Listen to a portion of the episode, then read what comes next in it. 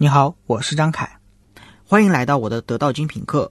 怎样成为快速阅读的高手？在上一讲中，我们说了快速阅读的技巧和需要注意的事项。如果你已经完成了快速阅读的这个步骤，这时候其实应该停下来，做个选择。选择什么呢？选择是不是要进行第三遍的精读？很多书啊，其实都是没有精读的必要的，在第一遍和第二遍浏览完就已经可以过了。我几乎是每一本书都需要精读的，那这是工作需要，你不用啊，你的时间是有限的，花在书本上的时间更有限。在开始前，你要先想一想自己花这些时间到底值不值。说到这儿，我就多说一句啊，这其实也是我们做每天听本书这个产品的初衷之一。很多人都以为每天听本书这个产品是替代你读书，其实不是啊，这个产品的作用有很多，比如说。帮你去跟知识随机碰撞，产生灵感。还有一个很重要的作用，就是构建起你对一本书的背景知识，帮你做第一轮的筛选。如果一本书是在你的专业领域范围之外的，你只是路过，特别好奇的想要朝里面逛一眼，如果没有意外，你可能永远不会翻开这本书。但是现在关于这本书的解读就放在你的面前，你随手就能拿到。这时候，其实做到能听完每天听本书的转述就够了。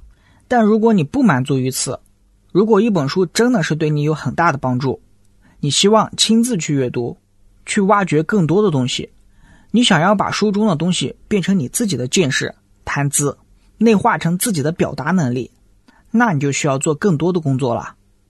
比如，如果你是一个学生，是一个研究人员，那阅读总结专业领域的著作成果。就是你的工作。如果你以写作或表达为职业，那把别人的知识变成你自己的知识，就是一个必要的技能。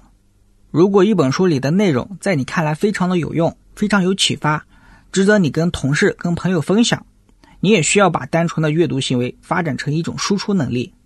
很多人在这个时候就会遇到一个问题，那就是看完一本书之后，脑海中只留下一团模模糊糊的概念。要是别人问你，刚才看的书讲了些什么？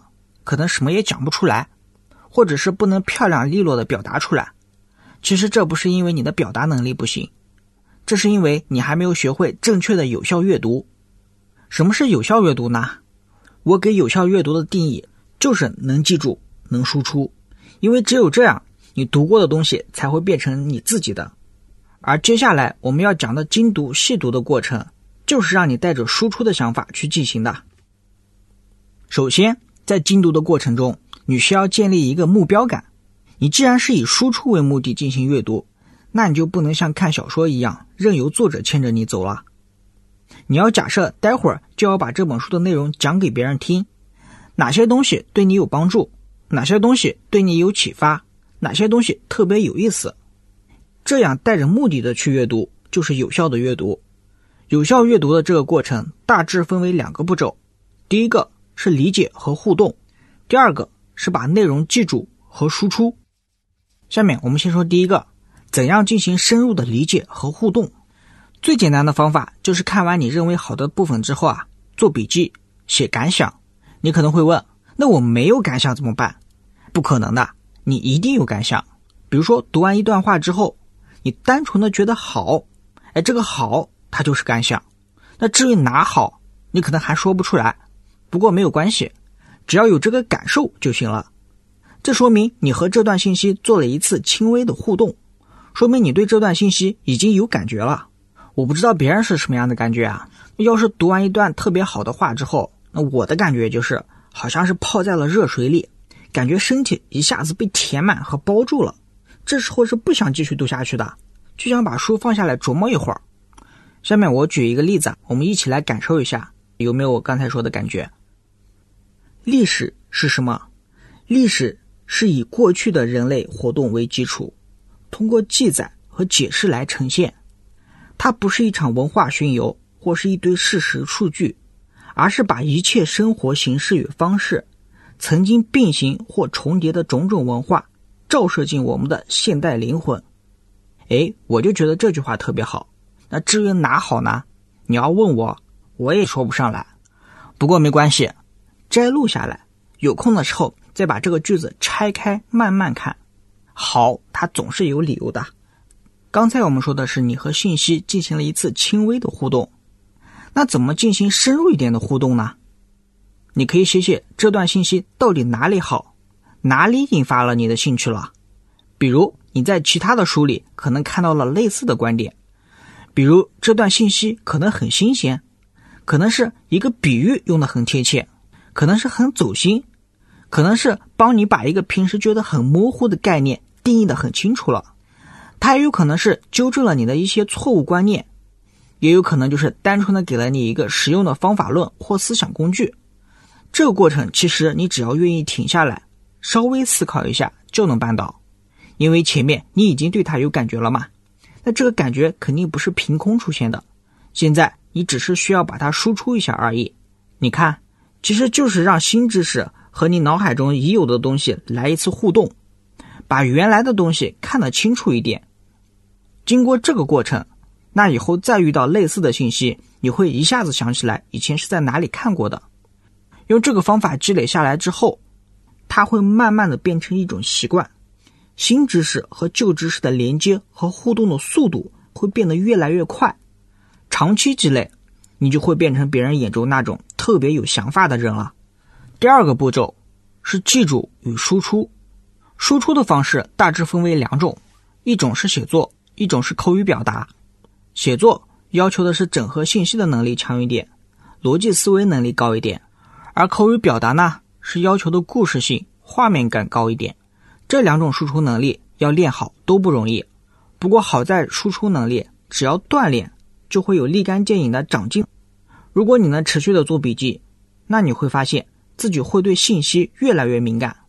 什么样的信息，你似乎都会本能的来一次互动，会从这段信息中看出一点别的什么东西出来。这时候不让你输出都很难。你会有一种想给别人表达的冲动，你会发现自己随便一写就能写出好几千字。那如果恰巧你是一个爱说话的人，那现在可能困扰你的问题不是没话说，而是怎么避免自己成为一个话痨。这其实就是你积累的结果。输入的多了，输出自然就会多。有一个比例是这样说的：输入和输出的比例是十比一。要看过很多之后，经过筛选和加工。最后输出一点，这也很正常。把自己平时觉得有价值的文章、有价值的段落标记出来，和它互动，记一些想法，然后定期的整理它们，这就是你的素材库。大多数的脑力工作者啊，他都有自己的素材库。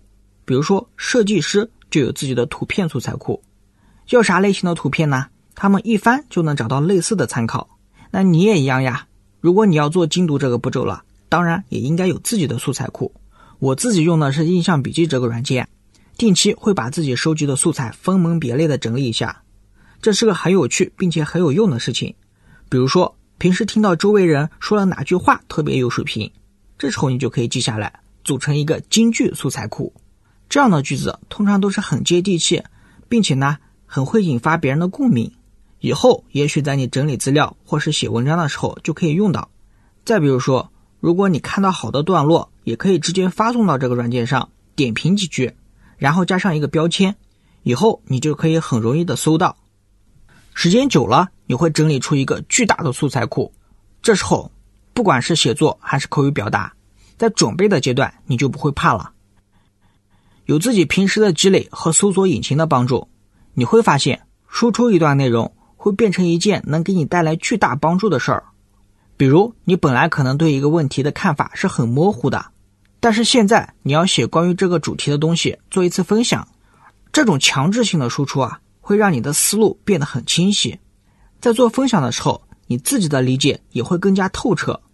以教为学是最有效的学习方式，没有之一。要锻炼自己的输出能力，要学会的第一件事儿，也是最难的一件事儿，就是写稿，把自己想要表达的东西。清楚流利的用文字呈现出来，可能有人会说啊，我口语表达能力好，不用写稿，看到东西呢可以直接说，那能做到这一点当然很厉害了。不过我们输出讲究的是品质，直接用口语表达，可能听起来是很有亲切感，语言会很平易近人，但是深度往往不够，容易飘，因为我们口语表达的时候啊，思维是发散的，写稿的作用不单单是能把你知道的呈现出来，写作这个动作本身也是一个帮助你思考的过程。可能你在敲打键盘前，对自己想要表达的东西感觉都是特别的模糊啊，云山雾罩的。没关系，开始写，一旦开始，你会发现你的思路会变得越来越清晰，逻辑也会越来越严谨。因为写作这个动作和口语表达是不一样的，它本来就慢。它会启动你的大脑第二系统，那第二系统呢，就是所谓的慢思考。你是有意识的、有逻辑的在调动大脑中的资源，这时候你的想法自然会更深，输出的东西啊更有料。这就是写稿带来的好处。很多人一听到写稿就头大了，通常啊都是坐在那里一个字也憋不出来。这其实很常见的，因为写稿是属于创造性的脑力劳动，这样的劳动呢。很容易让你对自己有不切实际的要求。你动手前可能是想要写一篇完美的、无可挑剔的稿子，脑海里只要抱着这样的想法，那手自然是动不了的，因为你脑袋里负责创造的声音和负责评价的声音是同时开启的。就像你开车的时候啊，一边踩油门一边踩刹车，那你这辆车你觉得能跑快吗？所以在写第一遍稿的时候啊，你要做的是。有意识的把评价的声音关掉，你要有意识的让自己先做一个很烂的东西出来。说到这儿，你可能有点接受不了，说我怎么能做出一个烂东西呢？我就是要做出一个好东西啊！其实这只是一种心理技巧，它能帮助你摆脱完美主义的魔障。有了这个想法，你就不会每写一句都觉得不好，然后删掉。好的稿子啊，其实都是改出来的。就像平时和最好的朋友聊天那样，怎么想怎么写就好。关键是你得逼自己先做出这么一个东西出来。等到第一遍完成了，这时候你大脑中评价的声音就可以开启，用挑剔的眼光看待自己的稿子，进行最后的修改和补充。这个过程也是提升你写作能力和思考能力的过程。等多修改几遍之后，你再回头看，你会发现也没有那么烂嘛，其实也挺好的。是值得和别人分享的。这个过程如果能不断重复，你的输出能力自然会越来越强。那你可能说了，现在稿子我也会写了，就是没有办法表达出来。照着稿子念可能还可以，但是一脱稿就什么也不记得了。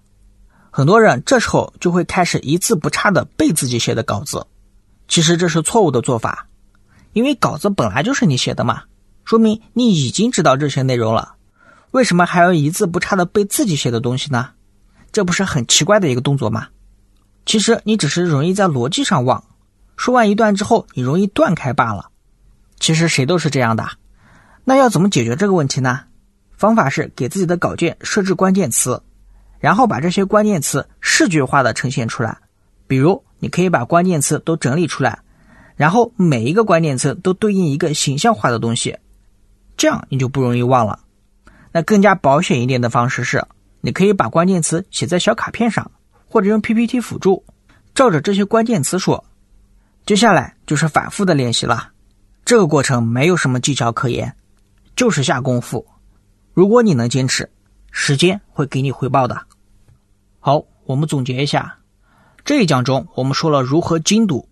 首先，我们要建立一个有效阅读的概念，有效的阅读的标准是能记住、能输出。我们应该带着这个目的去精读、去细读，其中呢分两个步骤，第一个是理解和互动，把对你有感觉的段落和句子记下来，仔细想一想为什么好，哪里好，然后呢把好的地方写出来，或是由此联想到的其他信息、感想都可以记录下来，长期积累，那新知识和旧知识的连接和互动的速度会越来越快，这样你会变得越来越有想法。第二个是记忆和输出，在你需要的时候啊，可以按照主题把你平时积累的材料输出成完整的稿件或是一段演说词。在记忆的时候，可以借助图像、思维导图或是知识卡片加强记忆。如果你能坚持这个动作，那么恭喜你，你已经成为一个阅读达人了。讲到这儿，我们这堂精品课就到了尾声。我们来回顾一下，在这堂课中。我们讲了从如何选书到快速阅读到有效阅读的全部过程，用一句话总结就是：读书读三遍，从大往小看，第一遍呢是绕着书去看，啊，看介绍，看评论，视野要放大，离书的距离要远一些。在这个过程中，你可以直观的对一本书的主题和价值做出一个初步的整体性判断。第二遍呢，是从内部的整体结构来看，用快进的方式整体浏览一遍，看看作者是如何设置这本书的结构的，它的脉络是什么，哪里是铺垫，哪里是重点。这时候走的就离书近了一些，这就要用到快速阅读的技巧了。第三遍，进入到书中。挑自己感兴趣的部分仔细琢磨，和他互动，最后把感想输出成自己的东西。这也是我们说的有效阅读。长期做这样的积累，你会对信息越来越敏感。最后我再强调一遍啊，我们说的快速阅读啊，并不是让你抱着不求甚解的态度去博览群书的，它其实是读书的一个环节，是你对一本书做出价值判断和寻找要点的必要步骤，并且。快速阅读和有效的精读，它是不冲突的，它是精读前的一个步骤。掌握了这套方法之后呢，它在以后带给你的效益是超乎想象的。我是得到每天听本书的张凯，希望上面的课程能对你有所启发。